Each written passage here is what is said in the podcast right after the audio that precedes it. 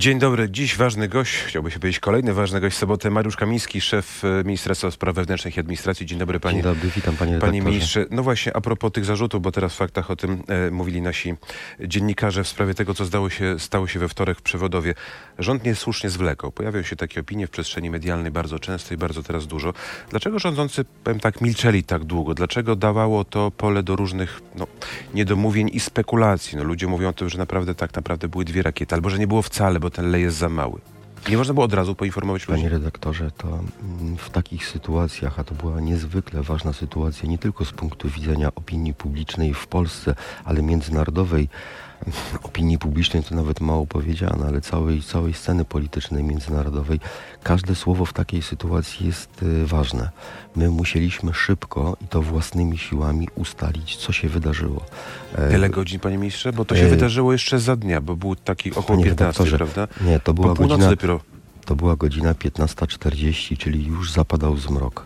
E, e, proszę zwrócić uwagę, że to była mała wieś na obecnych no, skrajnych krańcach, prawda, skrajnych kresach Polski Wschodniej. E, natychmiast musieliśmy, z, uwagi na to, że wiedzieliśmy już, że wydarzyło się coś niezwykle ważnego, natychmiast musieliśmy uruchomić najlepszych, najlepszych ekspertów, zarówno z wojska, jak i z policji, którzy musieli z Warszawy jechać na miejsce. Oni działali już w warunkach wieczornych, było ciemno. Proszę pamiętać, że na miejscu były dwa ciała naszych obywateli. Ym, Te wszystkie badania musiały też to uwzględniać, ale najważniejsze było to, żeby nasi specjaliści, e, którzy systematycznie przekazywali nam informacje do Warszawy o tym, co widzą, co podejrzewają, że się wydarzyło, żeby przekazywali nam tę wiedzę. Proszę sobie wyobrazić, dla każdego z nas pierwszą i oczywistą myślą było to, że zostaliśmy zaatakowani przez Rosję. To była rzecz oczywista dla każdego Polaka E, i nie tylko Polaka. E, Więc y, gdybyś ktokolwiek z rządu wyszedł, prawda, no, stanąłby od razu przed takim pytaniem. Mhm. My musieliśmy mieć y, przewidywalną y, ocenę tej sytuacji, żeby komunikować na zewnątrz. No właśnie, ale Bo pojawiają się zarzuty, proszę zwrócić uwagę, że my, my musieliśmy natychmiast układać równolegle kilka scenariuszy wydarzeń. E, Jeżeli był atak Rosjan, czy był to atak intencjonalny, e, czy był to e, błąd, y, prawda, w sztuce, ale zostało zaatakowane nie tylko Polska, ale również terytorium państwa NATO. Musieliśmy jednocześnie odbywać konsultacje z naszymi podstawowymi partnerami. Ja uważnie to wszystko słucham tego, co pan mówi, ale właśnie chcę powiedzieć, że te zarzuty są bardzo poważne, bo część osób, no, ekspertów nawet mówi, że tak naprawdę była to rosyjska rakieta, tylko właśnie my przez konsultacje z NATO i Amerykanami opóźnialiśmy to wszystko dlatego, żeby zrobić, że to była rakieta jednak nie rosyjska, a ukraińska. Nieprawda, nieprawda. W takiej sytuacji najważniejsze jest ustalenie faktów. My musieliśmy działać i podejmować dalsze decyzje w oparciu o fakty i to nie fakty, które komunikuje nam ktoś z zewnątrz, ale fakty ustalone przez naszych ekspertów, naszych biegłych.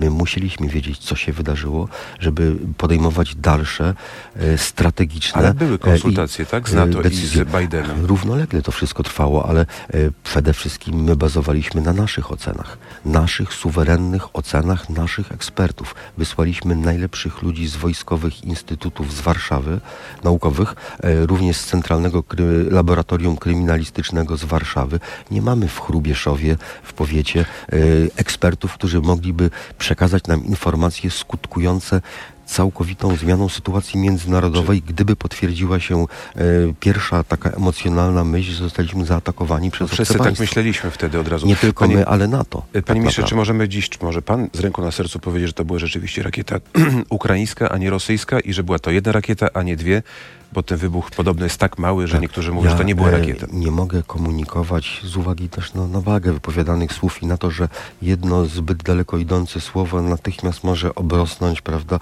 różnego typu teoriami spiskowymi, które zaczną mm, krążyć mm, w przestrzeni publicznej, więc ja na ten moment mogę powiedzieć w sposób odpowiedzialny. Nasze ustalenia, jak również ustalenia naszych podstawowych partnerów wskazują na to, że doszło do nieszczęśliwego wypadku w wyniku działań agresywnych rosyjskich na terytorium Ukrainy, e, związanych z atakami rakietowymi, e, również których e, duże nasilenie miało miejsce w tym czasie na terenie Ukrainy Zachodniej, w okolicach Lwowa, e, były użyte e, rakiety ukraińskie, których celem było strącanie rakiet rosyjskich. E, Wszystko wskazuje na to na ten moment, wszystkie informacje, jakimi dysponujemy, że doszło do nieszczęśliwego wypadku, że jedna z rakiet ukraińskich, której celem było strącenie rakiety rosyjskiej, spadła na terytorium naszego państwa. Panie ministrze, spotkał się pan z szefem CIA. Co powiedział, jakie dał nam zalecenia? To nie jest kwestia zaleceń. Chcę, żebyście Państwo mieli naprawdę pełną jasność. My mamy znakomite, bardzo dobre i partnerskie relacje ze służbami państw zachodnich.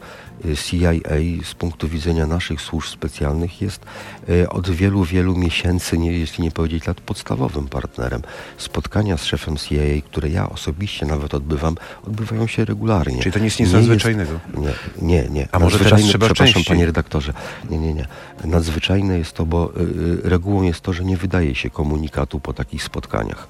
Natomiast moment przybycia y, dyrektora CIA Williama Barnesa do Warszawy nie był przypadkowy. On był związany z tymi wydarzeniami i wspólnie ustaliliśmy, że po tym spotkaniu wydamy komunikat dla opinii publicznej, że takie spotkanie miało miejsce.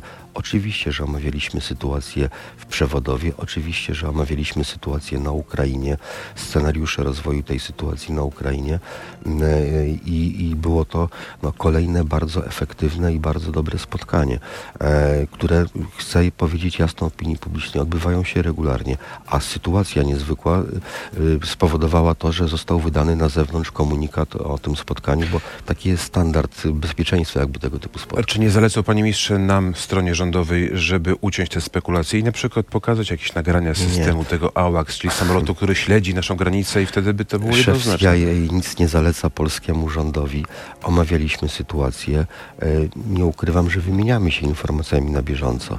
E, Natomiast e, chcę jasno powiedzieć, jeżeli chodzi o dalsze informowanie na temat tego, co się wydarzyło w przewodowie, tu musimy też ściśle uzgadniać te komunikaty z prokuraturą, która prowadzi śledztwo. Chcę też powiedzieć, że w ramach tego śledztwa z prokuraturą bardzo ściśle współpracuje i policja, i wojsko, czyli eksperci wojskowi, jak również y, funkcjonariusze Agencji Bezpieczeństwa Wewnętrznego. To jest śledztwo o najwyższym priorytecie. E, Już biorą udział y, eksperci międzynarodowi zewnętrzni, którzy będą to śledztwo wspierali. Na miejscu byli też eksperci amerykańscy. Także y, to będzie pełne wyjaśnienie i w odpowiednim momencie odpowiednie komunikaty trafią do opinii publicznej, ale tutaj proszę o cierpliwość. Jakieś pierwsze wnioski, chociaż panie ministrze na antenie by pan może ujawnił naszym słuchaczom. Pierwsze wnioski z tej pracy specjalistów ek, ek, ek, ekipy. To jest to, co powiedziałem. Wszystko na to wskazuje, cały zebrany, coraz głębszy materiał e, wskazuje na to, że doszło do nieszczęśliwego e, wypadku e, i w wyniku działań zbrojnych prowadzonych w pobliżu naszej granicy jedna z ukraińskich rakiet, której celem była rakieta rosyjska, spadła na terytorium naszego państwa. Panie ministrze, jeszcze krótko. Nasze służby są postawione cały czas w stan najwyższej gotowości, czy już Tak. nie? I co to znaczy dla Tak. obywateli? E, No, dla obywateli oznacza to to, że każdy kolejny tego typu incydent no, natychmiast będzie neutralizowany przez nasze służby, zarówno wojskowe, e, ale również y, na miejscu w podwyższonym, podwyższona jest gotowość polskiej policji, Straży Granicznej. E, W sensie praktycznym oznacza to na przykład, że na Lubelszczyznę zostało skierowanych dodatkowych 500 funkcjonariuszy policji z oddziałów prewencji, których zadaniem jest patrolowanie również małych miasteczek, tak żeby zwiększyć poczucie bezpieczeństwa u naszych obywateli, żeby pokazać, że państwo jest na miejscu, funkcjonariusze tego państwa nie obawiają się tam być i są dla obywateli w każdej sy- chwili pomocni i dostępni. Czy czeka nas wielka kolejna fala uchodźców z Ukrainy? O tym już w internecie na rmf24.pl i radiu RMF24. Mariusz Kamiński jest naszym gościem. Przypomnę, czekamy na Państwa. Do usłyszenia i zobaczenia. Panie ministrze, tak jak mówiłem, i premier, i prezydent mówią już oficjalnie, że w związku z tym, co dzieje się na Ukrainie, nie tylko wojna, ale też braki prądu, ciepła, jedzenia momentami sprawią, że czeka nas wielka fala uchodźców w Polsce. Ja pana spytam, czy jesteśmy gotowi, żeby ich przyjąć, bo myślę, że te zasoby i wola obywateli dziś już nie jest tak wielka jak na e, początku wiosny. E, Tak, to co wyczyniają Rosjanie na Ukrainie w tej chwili, czyli takie bardzo świadome niszczenie nawet nie celów militarnych, ale właśnie tej infrastruktury krytycznej, zwłaszcza związanej z dostępnością wody, prądu dla zwykłych Ukraińców, dla zwykłych obywateli, no pokazuje charakter tego państwa i charakter tej wojny. W tej chwili jesteśmy na etapie z jednej strony porażek militarnych Rosji, a z drugiej strony nasilającej się fali, mówię wprost i w sposób przemyślany, terroru wobec ludności cywilnej. To jest próba złamania morale narodu ukraińskiego mm, e, ym, i, i sianie strachu. Sianie strachu jednocześnie z konsekwencjami takimi, że w warunkach zimowych y, egzystencja zwykłego No obywatela może być niezwykle Więc jeśli trudna. w najbliższych tygodniach przyjechałoby do nas powiedzmy 500 tysięcy albo milion nowych obywateli Ukrainy, czy jesteś, to jesteśmy gotowi im pomóc, przyjąć ich? Ja odpowiem w ten sposób. E, Mamy już e, bardzo mocno przetestowane wszelkie procedury praktyczne związane z przyjmowaniem e, uchodźców wojennych z Ukrainy. Jako państwo jesteśmy przygotowani i na pewno zrobimy wszystko, żeby udzielić skutecznej pomocy ludziom uciekającym przed rakietami, przed śmiercią, przed głodem, przed zimnem. E, To jest nasz ludzki obowiązek e, i, i, i zrobimy wszystko, żeby każdy, kto potrzebuje tej pomocy, tej, tę pomoc uzyskał w Polsce. Wszystko jako państwo, rozumiem, Jako państwo państwa i wierzę też odpowiednie służby.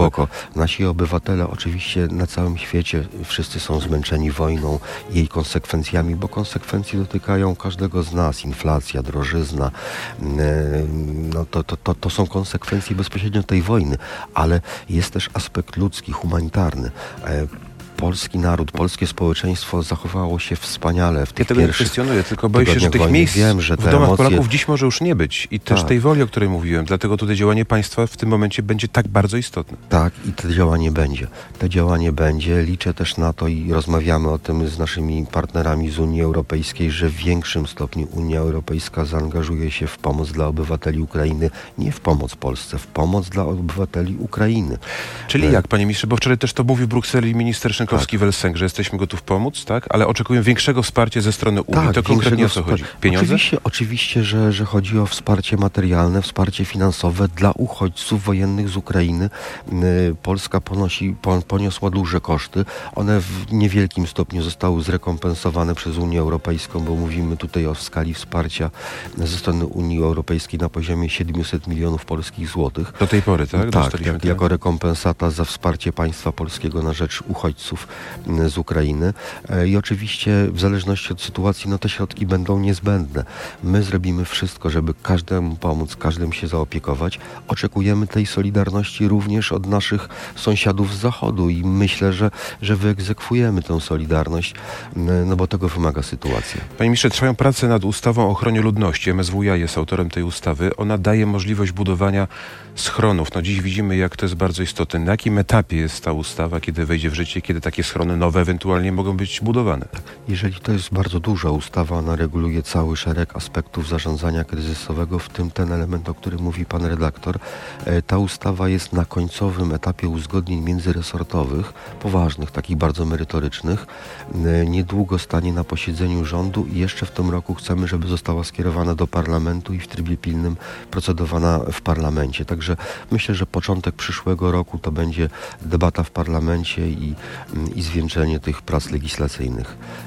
Jednym z elementów oczywiście m, przy zarządzaniu kryzysowym, zwłaszcza w tak y, e, trudnej zewnętrznej sytuacji wojennej wokół naszych granic, jest sprawa schronów. No, ten y, tragiczny przykład y, przewodowa pokazuje, że, że nieoczekiwanie z dnia na dzień nasi obywatele będą musieli być, będą być może musieli się zmierzyć z taką rzeczywistością, więc w tej chwili zarządzona została przez MSWiA pełna inwentaryzacja wszystkich schronów w Polsce. Czy nie Ona za późno, trwa- panie ministrze, bo wojna trwa już dziewiąty nie, miesiąc? nie, ale to jest y, y, kilkadziesiąt tysięcy punktów, y, które były w ewidencjach polskich samorządów. W połowie grudnia kończymy tę inwentaryzację. Wykonują to funkcjonariusze Państwowej Straży Pożarnej. Docierają wszędzie, ale ich celem nie tylko jest zbadanie, co zostało kiedyś zgłoszone do samorządów jako schron, sprawdzenie sprawdzenie fizyczne tego schronu e, i przyjęcie jakichś rekomendacji, co dalej robić z tym punktem, ale znalezienie nowych miejsc. Nowych miejsc i e, musimy pomnożyć tę liczbę miejsc, która e, będzie stanowiła ewentualne e, niezbędne schronienie dla naszych obywateli. Pracujemy też nad specjalną aplikacją, e, taką, która pokazywałaby, gdyby taka była konieczność. Ja nie mówię absolutnie, nie zapowiadam, że tak będzie, ale gdyby była taka nieszczęśliwa konieczność, że będziemy się musieli jako zwykli Polacy zmierzyć z takim niebezpieczeństwem, każdy będzie miał aplikację wgraną w swoim telefonie, która będzie pokazywała najbliższy schron w okolicy, w której on się znajduje e, i liczba tych schronów, te 62 tysiące, które teraz są w ewidencji, zostanie pomnożona. Skoro mówi Pan o aplikacji, przyszło mi do głowy coś takiego a propos tego, co działo się na naszej wschodniej granicy. Być może jeszcze będziemy tego świadkami. Może trzeba zrobić jakąś specjalną aplikację, która by ostrzegała właśnie te tereny przygraniczne, że jest pewne niebezpieczeństwo. Pojawiają się takie opinie, że może trzeba zamknąć niebo nad naszą granicą, żeby takie rakiety, nie wiem, no, nie były w stanie przelecieć, samoloty ewentualnie również, ale może przynajmniej taka aplikacja, jak dzisiaj jest Rządowe Centrum Bezpieczeństwa, prawda? Te alerty, może trzeba coś takiego w tym kontekście wymyślić. E, Myślę, że technicznie jest to możliwe, natomiast musimy wszystko bardzo sz- szczegółowo przeanalizować, bo proszę sobie wyobrazić, tych alarmów e, antyrakietowych na Ukrainie jest codziennie bardzo dużo. Jeżeli codziennie będziemy ukraińskie komunikaty o zagrożeniach naszym obywatelom, to naprawdę możemy wywołać stan no, głębokiej paniki, prawda, tam gdzie te SMS-y będą docierały, więc musimy to wszystko przeanalizować bardzo dokładnie e, i działać w interesie obywateli. Oczywiście to będzie dla nas priorytet, ale nękanie codziennie, a nawet parę godzin na dobę informacją, że jest zagrożenie antyrakietowe na Ukrainie, no może być też mm, czymś nieracjonalnym, ale podejmiemy racjonalne decyzje. E, Absolutnie dla nas priorytetem będzie bezpieczeństwo i, e, i interes naszych obywateli w tym zakresie. Panie ministrze, to jeszcze jedno pytanie a propos granicy, ale tej troszeczkę bardziej na północ. Pan wczoraj był na granicy polsko-białoruskiej, mówił o tym otwarciu pierwszego odcinka granicy elektronicznej, ale mam takie dane z nocy z czwartku na piątek. 78 uchodźców próbowało ten, ten mur sforsować, 31 to się udało. Jak to działa? Miało nie przepuszczać nikogo, a tymczasem jest nieszczelne. Nie, nie, panie redaktorze. Yy, identyfikować błyskawicznie, jeżeli ktokolwiek będzie zbliżał się yy, do, do, do, do naszej zapory yy, i to osiągniemy.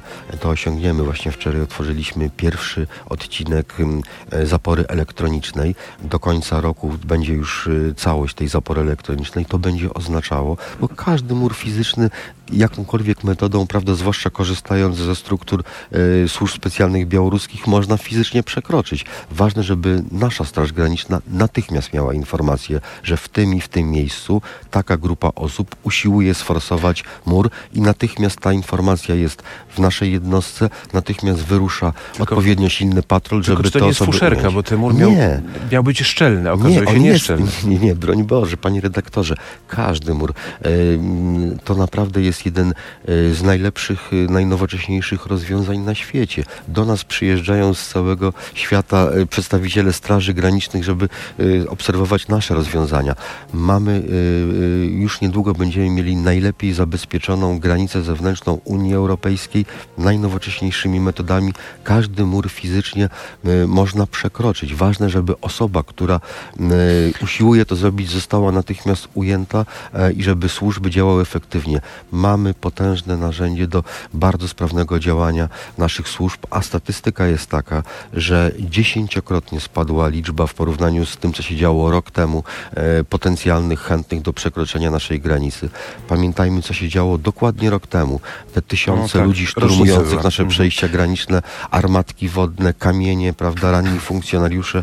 Teraz mamy już dużo spokoju na granicy. Panie patrzę na zegarek, zostało nam niewiele czasu. Chciałbym pana jeszcze zapytać o politykę, bo jest pan wiceprzewodniczącym Prawa i Sprawiedliwości. Jest wniosek opozycji o odwołanie Zbigniewa Ziobry i pewnie minister się obroni, bo ma, tak się wydaje, przynajmniej teoretycznie większość w Sejmie, ale może to jest taki dobry moment, żeby pana ministra Ziobrę troszeczkę, mm, jakby to powiedzieć...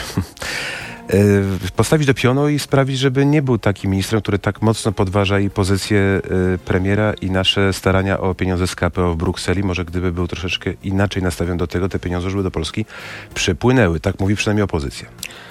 Panie redaktorze, ja odpowiem tak. Ja przede wszystkim w tych czasach jestem ministrem spraw wewnętrznych, a Zbigniew i y, koordynatorem służb specjalnych, a Zbigniew Ziobro dla mnie przede wszystkim w tych czasach jest y, prokuratorem generalnym. E, I te relacje są dobre, y, poważne i efektywne z punktu widzenia bezpieczeństwa państwa.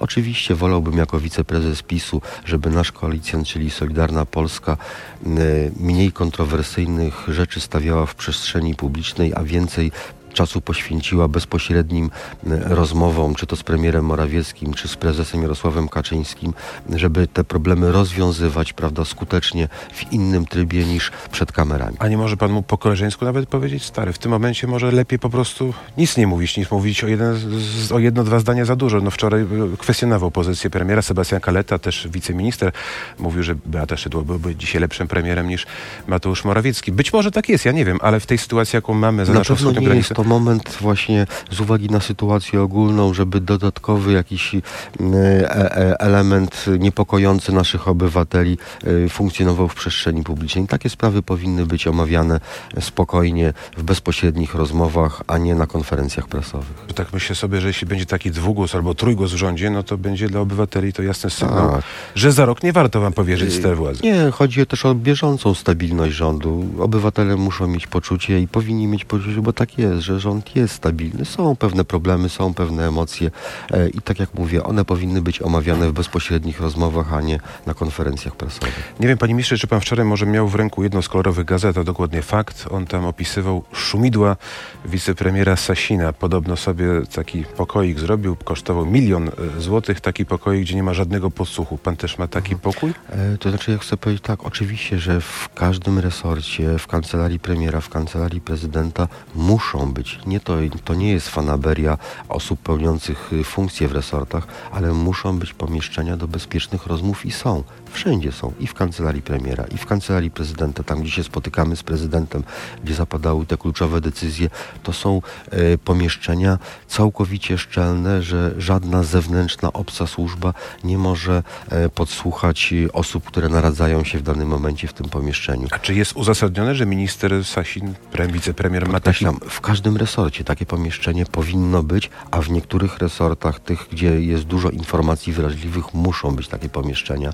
Więc nie jestem zaskoczony, że takie pomieszczenie jest w Ministerstwie Aktywów Państwowych, gdzie często zapadają decyzje dotyczące no, ogromnych pieniędzy związanych ze spółkami Skarbu Państwa. A czego się może obawiać wicepremier? Kogo? No, wycieku. Y, Oczywiście tutaj w takiej sytuacji to nie tylko kwestia obcych służb, prawda, ale również no, y, biznesu zewnętrznego, który może być zainteresowany wcześniejszą wiedzą o decyzjach, jakie mogą zapaść, które mogą się przełożyć na ich zyski, więc no, to jest akurat działanie zupełnie rozsądne. Nie znam szczegółów, nie odnoszę się do publikacji w piśmie, o którym Pan wspomniał, natomiast y, to jest standard. W każdym poważnym państwie to jest standard. Pan też ma taki gabinet? Ale oczywiście, że w MSW są pokoje do takich rozmów.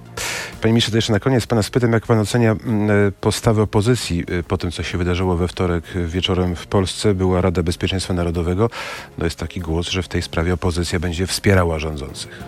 Ja uczestniczyłem w Radzie Bezpieczeństwa Narodowego z udziałem przedstawicieli opozycji i oceniam te spotkanie jako dobre i merytoryczne. Śledziłem również niektóre wypowiedzi przedstawicieli opozycji na zewnątrz i tam już były elementy takiej politycznej bieżączki, prawda, jakieś takie nieracjonalne zarzuty, właśnie chociażby te formułowane, że zbyt późno. No nie, nie zbyt późno. Opozycja jest To od tego, było- żeby krytykować rządzących, tak, więc, prawda? To jej więc rola. na szczęście nie wydarzyło się nic dramatycznego, prawda? E, I nie mam poczucia, że ta sytuacja jest jakoś złośliwie wykorzystywana przez opozycję. E, Samo posiedzenie Rady Bezpieczeństwa Narodowego miało merytoryczny i dobry charakter. Ale może właśnie ta wola współpracy jest czymś światełkiem w tunelu, że w Ja przyszłości uważam, takie sytuacje będą za mało procentowały. działań w tak trudnej sytuacji międzynarodowej, zewnętrznej. Za mało jest tych wspólnych, jednościowych działań. Absolutnie za mało. E, Tego myślę, że oczekuje większość naszych obywateli, żeby w tych sprawach związanych z bezpieczeństwem naszych obywateli, z bezpieczeństwem państwa, żeby działać razem, wspólnotowo. Te, tego jest zdecydowanie za mało. Mariusz Kamiński, szef Ministerstwa Spraw Wewnętrznych i Administracji i wiceprzewodniczący Prawa i Sprawiedliwości jest naszym gościem. Był właściwie. Dziękuję panie ministrze. Dziękuję Dobrego, bardzo. spokojnego dnia. Do zobaczenia.